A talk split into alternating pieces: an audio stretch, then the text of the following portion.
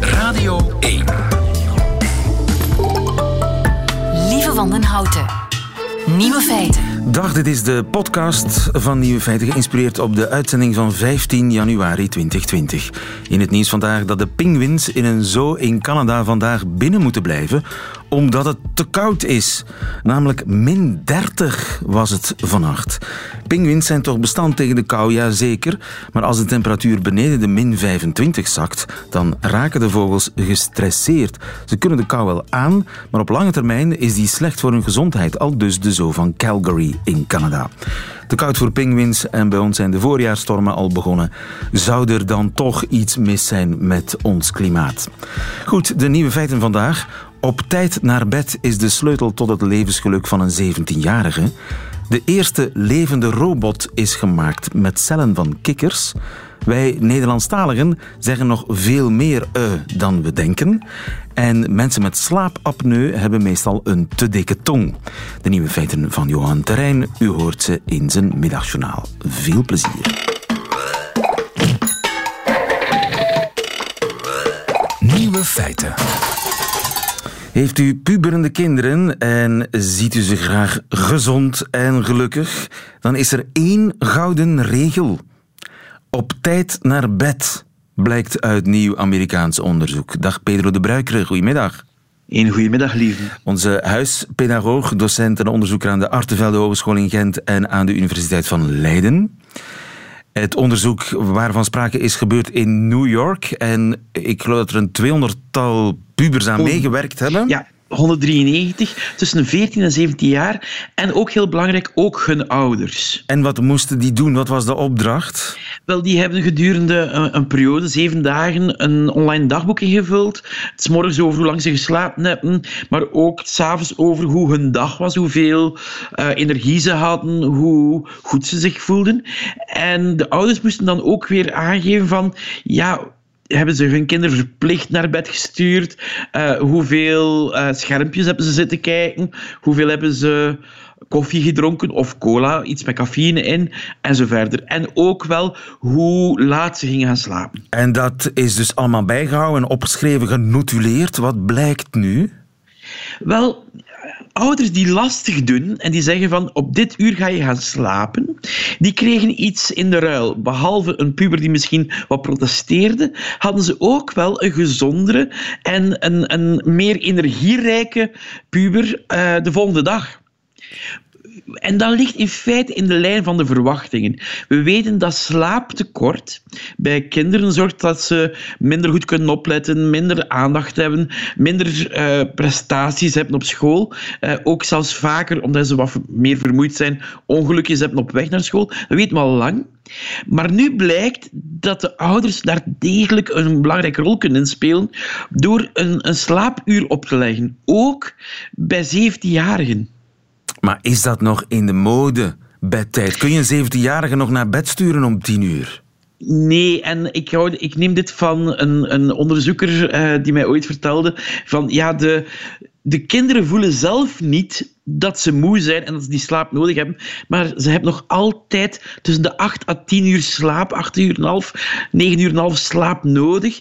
En dus moet jij ervoor zorgen als volwassene dat je je verantwoordelijkheid neemt, omdat ze dat zelf zeer moeilijk kunnen inschatten. Ja, maar je moet een, een puber toch verantwoordelijkheid geven. Dat is de hele, het hele punt van opvoeding, Ja. dat, dat je ze niet te veel moet gaan helikopteren en be- bemoederen of bevaderen.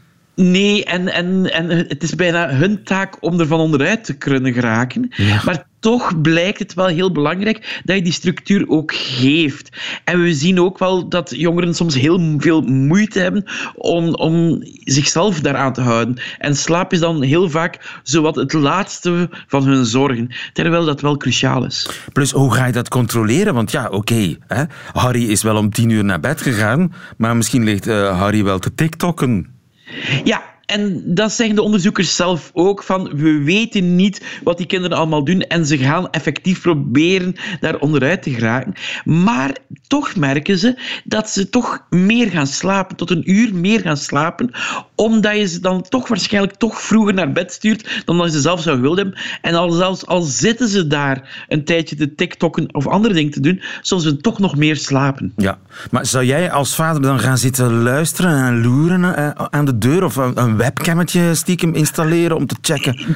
Nee, ben je gek. Op die manier zou je het vertrouwen helemaal uh, om zeep helpen. En ik herinner mezelf hoe ik als kind ook uh, luisterde tot mijn ouders gingen gaan slapen om dan toch het licht weer aan om te kunnen verder lezen. Maar um, als je dan merkt dat je kind te moe loopt, dat je dan ietsje strenger wordt of ietsje meer controleert, dat kan ik wel begrijpen. En ik denk dat dit onderzoek vooral één ding helpt in het argument dat je kan hebben met in de discussie die je met je kinderen kan helpen, kan hebben, is kijken van hoe voel je je bij. En je merkt ook dat die jongeren met een duidelijkere afspraak voor te gaan slapen, dat die zich beter in hun vel voelden. En dat is denk ik het belangrijkste. Ja, dus voor, als je merkt dat je kinderen uh, problemen hebben, melancholisch zijn, depressief zijn, slecht presteren, concentratie, moeilijkheden hebben, dan heb je eigenlijk een argument om te zeggen: jongen, jij moet gewoon op tijd naar bed. Want Pedro de Bruiker heeft het gezegd in Nieuwe Feiten. Uh, ja, ik wacht nu al op de kwaaie uh, mails. Maar ik denk dat het vooral belangrijk is proberen samen uit te geraken.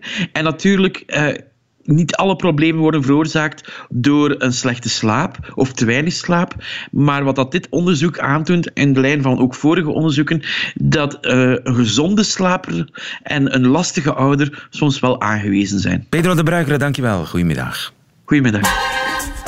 Nieuwe feiten.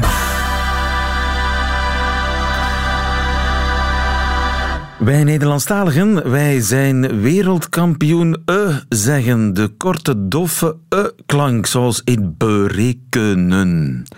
Maar we zeggen hem nog veel meer dan we denken. Overigens vijf keer e in die laatste zin. Overigens. Goedemiddag, Mark van Oostendorp. Goedemiddag. Goedemiddag. Hoog, hoogleraar taalkunde aan de Radboud Universiteit in Nijmegen. Collega's van u hebben zich over de kortste en tegelijk frequentste klank van het Nederlands, de e, gebogen in een speciale publicatie van de Koninklijke Academie voor Taal en Letterkunde. Ja. Zoveel gedoe. En ik dacht, de e, dat is toch gewoon een normale klinker, zoals in normaal le klinker? Nou, het is een heel normale klinker. Dat is natuurlijk precies het punt. Het is een normale klinker omdat we hem zoveel zeggen. Maar ik, volgens mij is een van de van de aangename dingen van taalwetenschappers zijn dat je je bezighoudt met juist met heel normale dingen en dat je je daar dan vervolgens over verbaast. Dat je je verbaast over die dingen die zo normaal zijn en alledaags zijn. Maar soms hoor je de e en schrijf je hem niet. Dat is de hele kwestie ook, hè? Eh, dus dat is een van de dingen die ons dan uh, tot kampioen van schwa gebruikt. Schwa, zo noem je die klank. Die, schwa. die doffe e uh, noemen. Ja, dat is ook weer een, een, verhaal apart. Dat is een van de dingen die het zo interessant maken. Is dat het de enige klank is die in de taalwetenschap een naam heeft waarin die klank zelf niet voorkomt. Namelijk schwa. De schwa een Hebreeuws woord voor leegte.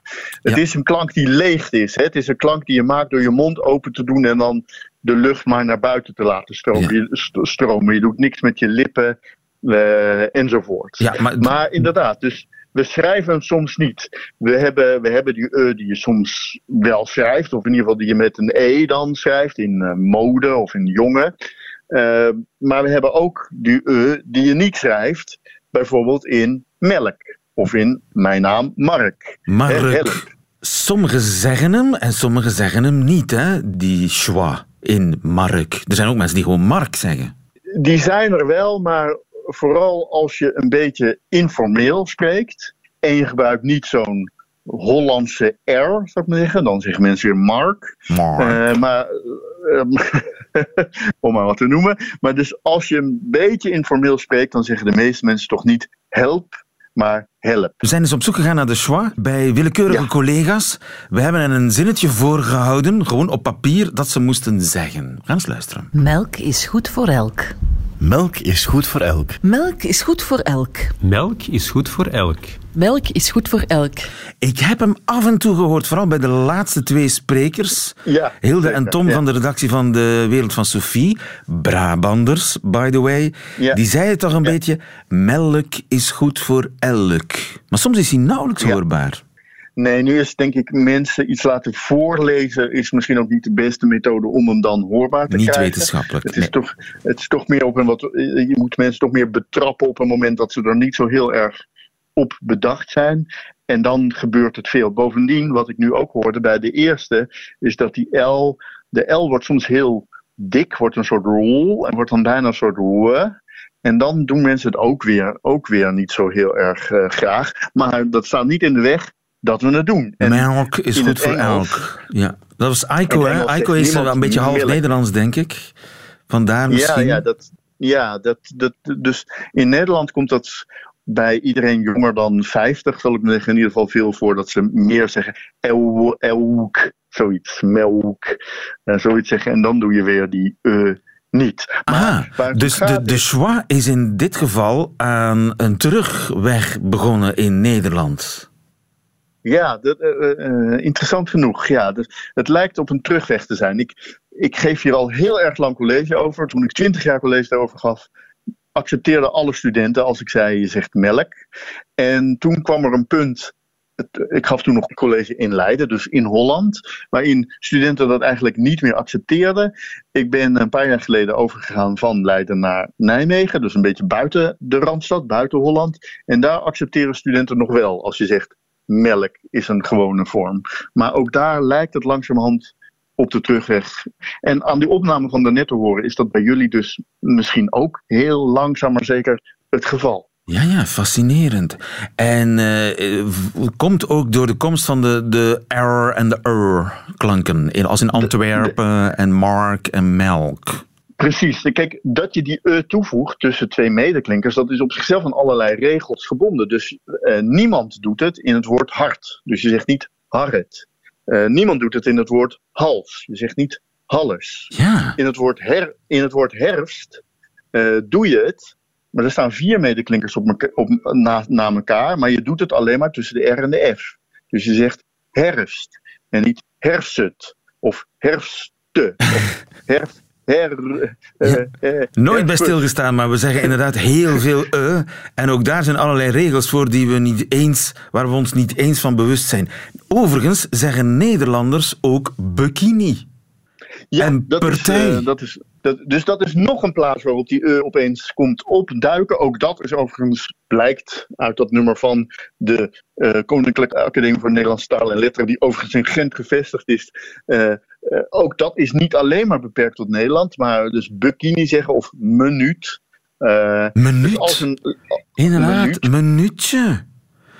Een minuutje. Ja, dus Ja. Als, een, als een klinker niet beklemtoond is, dan heeft hij altijd ook de neiging om te gaan naar die doffe E-klank. En hoe komt dat nou? Dat komt eigenlijk doordat die doffe E-klank zo normaal is. Het is echt de meest normale klank die er is. Het is de klank die je maakt als je je mond open doet en de lucht naar buiten laat stropen. En je doet, je doet niks met je lippen, je doet niks met je tong. Het is de klank die dieren eigenlijk maken. Hè? Dus wij zeggen dat koeien boe zeggen. Zeggen eigenlijk ze, zegt een eh. koe... Oh, dat is, dat is de klank die... Ja. Dat, de- dus, en dat, is- dat, dat is omdat je er niks voor hoeft te doen. En dat is ook de reden waarom je dus... Je, je hebt twee medeklinkers naast elkaar. Dat heb je liever niet. Eh, een afwisseling van klinkers en medeklinkers is mooier. En dan Ja. zet je er een klinker tussen. Maar dat is dan dus de E. Ja. Je, je- een, een klinker geen, heeft geen klemtoon. Heeft dus niet zoveel nadruk nodig. Geeft niet zo, voegt niet zoveel toe. En maak je, dus maak je er een E van. Omdat het Nederlands een echte klemtonentaal is, in tegenstelling tot het Frans, wat een echte eh syllabentaal is, een lettergrepentaal. eh, en omdat er zo weinig nadruk Ja. op die bi van bikini sta, ligt, dan kun je net zo goed bikini zeggen. En dat is eigenlijk makkelijker, luier. Ja, het Frans heeft natuurlijk ook eus. Hè? Dus het Frans is ook wel een taal met e-klanken. Maar niet zoveel. Er zijn natuurlijk ook talen, Italiaans of Spaans, die helemaal geen e-klank eh, hebben. Ah ja. Die, die het helemaal zonder doen. Alleen en zelfs, kijk, wat ik nu daarnet deed, dus ik zei die helemaal geen e-klank hebben. Dat is natuurlijk nog een plaats waarop we die e gebruiken. Tussendoor, als je even nog aan het woord bent en je kunt even niet op het woord komen. En zelfs daar doen ze vaak iets anders. Dus hun basis is al vaak iets anders. Dus zij zeggen dan meer eh-achtig als, ze Oké. als ze even er niet, eh, niet op kunnen komen. Zijn al die Parisiens die praten over la mer du Nord? Et alors? Is dat ook een, een Eh, choix? ja, ja, ja. Ja, ja, de- eh, zeker. Ja. Dus dat, dat, is, dat is een heel interessant verschijnsel dat zich inderdaad de laatste decennia in het, in het Frans, in het Frans van Parijs, het, Frans, het standaard Frans voordoet, is steeds meer van die woorden laten eindigen op zo'n eh-achterklank. En ook dat is weer, ja, die schwa, dat is die toonloze, Die schwa, zeg. precies weer die toonloze e. Ja. Eh, de Ja, kortste klank van het Nederlands heeft nog niet al zijn geheimen prijsgegeven. En dat is een Nee, er fascinerende er vaststelling, toch? Er is deze prachtige bundel over verschenen. En eh, ik, ik, ik droom ervan dat er ooit een grote encyclopedie komt van duizenden pagina's. Met alles over alleen maar deze ene klank. Over de eh. Dankjewel, Mark van Oostendorp. Goedemiddag. Goedemiddag.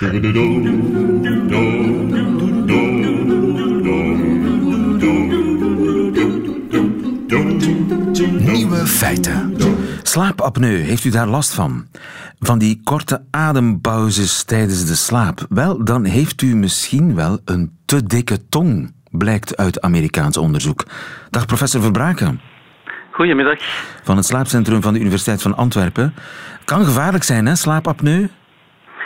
Ja, als je het eh, niet eh, laat behandelen, dan eh, heb je toch wel eh 30% kans op langere termijn om een hart- of vaatziekte te ontwikkelen. En één kans op zeven om over die periode te overlijden. Dus dat zijn relatieve risico's. Maar Dat is geen klein dingetje, Ehm. slaapapneu. Je bent ook overdag natuurlijk vermoeid omdat je slecht slaapt. Nu, die, die dikke tong, wat doet dat? Wel, de tong is eh, natuurlijk een spier eh, die we nodig hebben. Ehm, maar die kan natuurlijk eh, tijdens de slaap verslappen en de keel potentieel afsluiten. En dan eh, hebben we natuurlijk te maken met de situatie slaapapneu, waarbij de luchtweg volledig is afgesloten en er geen eh, passage lucht meer mogelijk is. En Ja. dat leidt tot zuurstofdaling en korte ontwakingen en dat geeft dan die klachten. Ja, een slappe tong die naar beneden zakt en de, ja, de luchttoevoer afsluit. Is die, die tong dan te dik of te slap? In feite beide. Dus uit het onderzoek eh, dat net verschenen is, eh, blijkt dat er te veel vet zich bevindt in die tong, eh, waardoor die tong natuurlijk eh, potentieel minder kracht heeft en meer de neiging heeft eh, tot afsluiten van die keel. Maar we weten ook uit het andere onderzoek dat de spierkracht eh, tijdens slaap, hè, de- van de tongspier dan met name, bij patiënten met slaapapneu ook eh, tekort schiet. Hè, waardoor die keel eh, veel makkelijker afsluit dan bij normale personen.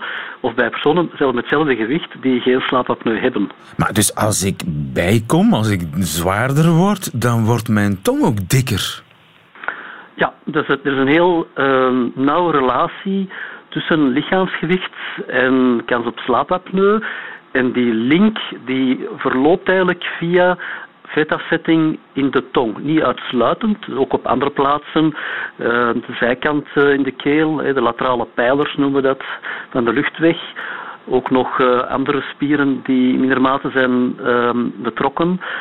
Ehm, waardoor ja, uiteindelijk ja, die situatie zich, eh, zich voordoet. En is dat de enige oorzaak van slaapapneu? Dat je echt bij wijze van spreken vervet in, rond je keel en je tong en dat de boel daar dicht slipt? Wel, laten we zeggen, bij 85% van de patiënten is dit het geval. Dus werkelijk een, een ja, vetprobleem. Ehm, anderzijds, bij 15% van de bevolking eh, waarbij slaapapneu voorkomt, eh, is er een normaal lichaamsgewicht. Ehm, en dan lijkt het gewicht eigenlijk eh, niet direct Ja, betrokken te zijn of relevant te zijn. Maar toch 85% Er wordt is een, de grootste groep. Ja.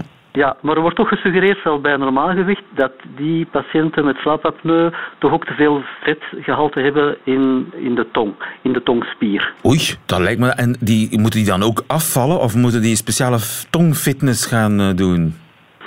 Dus afvallen is, is soms toch zinvol. Uh, niet te veel natuurlijk, hè, maar enkele kilo's kan toch een verschil maken. Je hebt een normaal gewicht of een optimaal gewicht, dat is nog een nuance.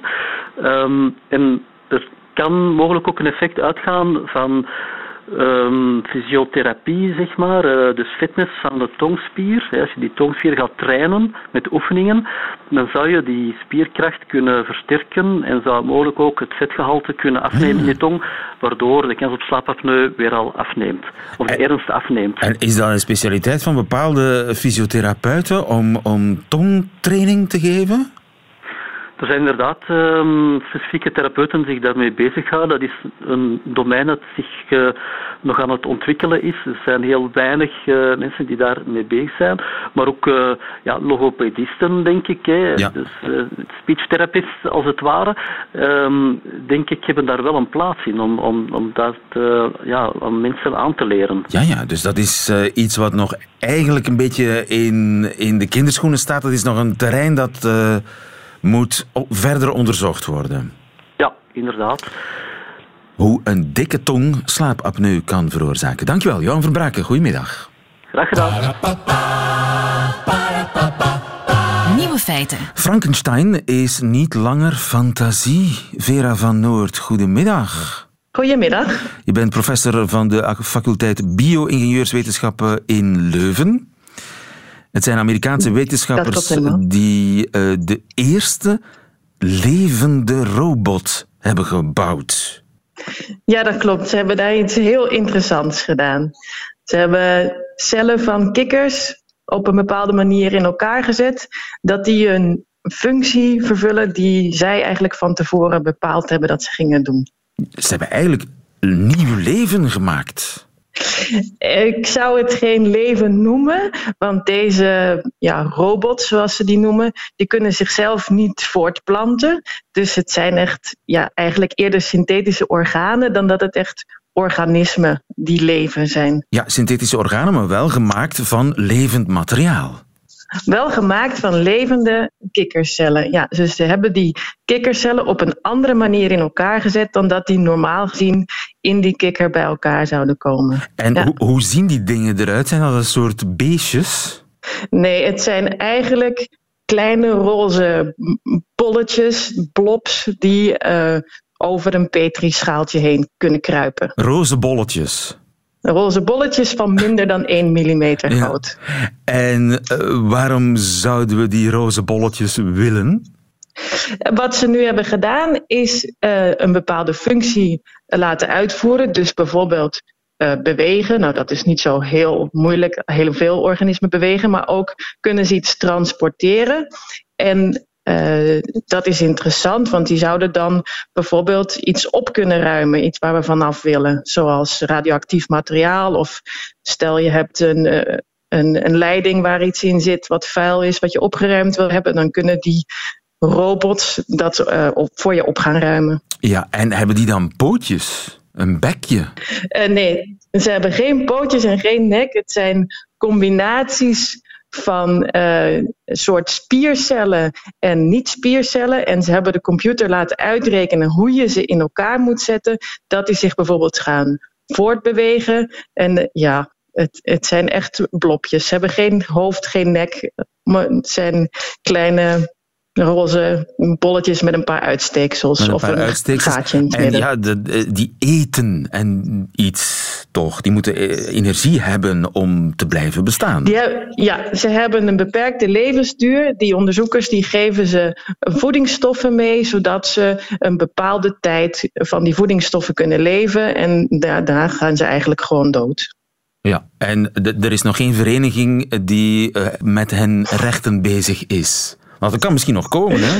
Ehm, aangezien het geen levende organismen zijn, maar synthetische organen, ja, hebben die ook geen rechten. Ja, maar je begrijpt dat we principieel op een grens zitten, hè?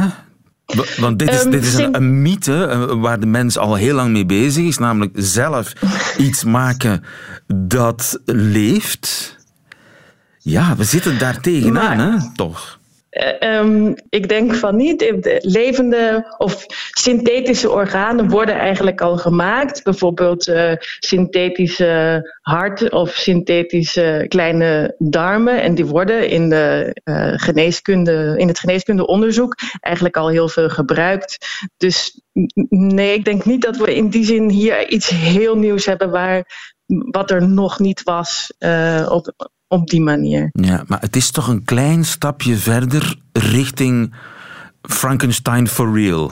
Eh, eh, een heel klein stapje. Een heel, heel klein stapje. Ja, waar we tot nu toe eh, voornamelijk konden sturen en de programma's uit konden laten voeren, zoals die uh, in het organisme al bestaan. Dus een, een hartje laten maken of een, een klein stukje darm, zoals dat normaal gesproken gebeurt, worden ze nu inderdaad op een andere manier in elkaar gezet, die nog niet in de natuur voorkwam. Ja. En zouden we die dan ook in de geneeskunde kunnen gebruiken? Kun je zo een, een, een levend robotje ergens in mijn uh, bloedsomloop sturen om mijn een soort, soort grote schoonmaak te houden? Eh, dat is wat de onderzoekers zeggen. Ze zijn klein genoeg om in je aderen rond te kunnen kruipen. Maar natuurlijk, als we kikkercellen in onze bloedbaan gaan laten rondkruipen, krijgen we direct een immuunreactie en worden die opgeruimd. Dus zo direct kunnen we dat niet toepassen. Daar zouden we eh, nog veel verder onderzoek moeten doen en moeten zien hoe we daar misschien met menselijke cellen zoiets kunnen doen. Maar dat is nog, nog wel heel ver weg. En als we zo ver zijn, dan komt Frankenstein wel heel dichtbij, hè, toch? Ja, je zou dat zo kunnen zeggen. Maar de, de organen zijn nog altijd van heel beperkte levensduur. Dus je kan niet een, een nieuwe mens zomaar in elkaar zetten. Het zijn ook maar een beperkt aantal verschillende cellen die hier uh, gebruikt worden. Dus voorlopig geen paniek. Frankenstein is nog ver weg. Dankjewel. Is nog ver weg. da okay. Dankjewel, uh, Vera van Noort in Leuven voor ons. Goedemiddag. Goedemiddag. Dat waren ze, de nieuwe feiten van 15 januari 2020. U krijgt nog alleen die van Johan Terrein in zijn middagjournaal. Nieuwe feiten. Middagjournaal. Beste luisteraar. Wij scheren, wijzen geren de weg. Met dat idiote ezelsbruggetje probeerde ik vroeger het woord wijsgeer te onthouden toen ik nog de leeftijd had om volop mijn vocabulaire uit te willen breiden. Toevalligerwijs kom ik tegenwoordig wel eens citaten tegen van wijsgeren die me dan soms in hele diepe gedachten doen verzinken. Tot er een berichtje op mijn telefoon binnenkomt natuurlijk. Onlangs was ik in de weer met een uitspraak van de filosoof met de verwarrende naam Confucius. De weg zelf is de bestemming. Zo had hij ooit gesproken. Het hield me bezig omdat ik zelf zo graag van het paadje afwijk. En dus vroeg ik me af of mijn bestemming dan al die zijpaadjes zijn of toch de hoofdweg die ik dan telkens verlaat. In het eerste geval ben ik goed bezig. Toen ik vorige week op stapvakantie was, bereikte mij pas de echte diepte van deze confuse wijsheid. We besloten een lange tocht te maken door het natuurpark in het centrum van het eiland. Urenlang volgden we een diepe kloof waar ons op het einde een beloning zou wachten. De Cascada de los Colores. Je hoeft geen jommeke Spaans te spreken om te begrijpen dat me hier een prachtig kleurenspektakel te beurt zou vallen in de vorm van een waterval. En ook de foto in de wandelgids beloofde een waar feest voor het oog. Het water uit de krater bracht zo te zien vulkanische tinten naar het oppervlak. Ik ben een fan van natuurspektakel, dus was helemaal in mijn nopjes aan de tocht begonnen. Wegwijzers wezen geren de weg en het landschap was adembenemend. Maar toch maakte het vooruitzicht van een overweldigende beloning aan het eind de tweede helft van de trektocht saai en langdurig. Het werd zo'n wandeling waarbij je al halverwege begint te verwachten dat je er al bijna zal zijn. En dat, beste luisteraar, is de perfecte voorbereiding op de ontgoocheling die mij nog te wachten stond. Ik moest aan Chinezen denken die zo'n 8000 kilometer afleggen om een straaltje uit een klein piemeltje te zien lopen in hartje Brussel. De Cascada de los Colores bleek een waterval op dwergformaat die niet zou misstaan in mini-Europa of in een kitscherig siertuintje. Een paar tuinkabouters met een kruiwagen ontbraken nog net. Een straaltje oranje water druppelde roestig naar beneden. Toen ik de 10 kilometer lange wandeling door de kloof terugliep, merkte ik welk geweldig landschap ik vooral de tweede helft van de tocht had gemist door mijn ongedurigheid. En ik herinnerde me weer die verwarrende Confucius. De weg zelf is de bestemming. Zou die Chinese wijsgeer ook deze wandeling hebben gemaakt?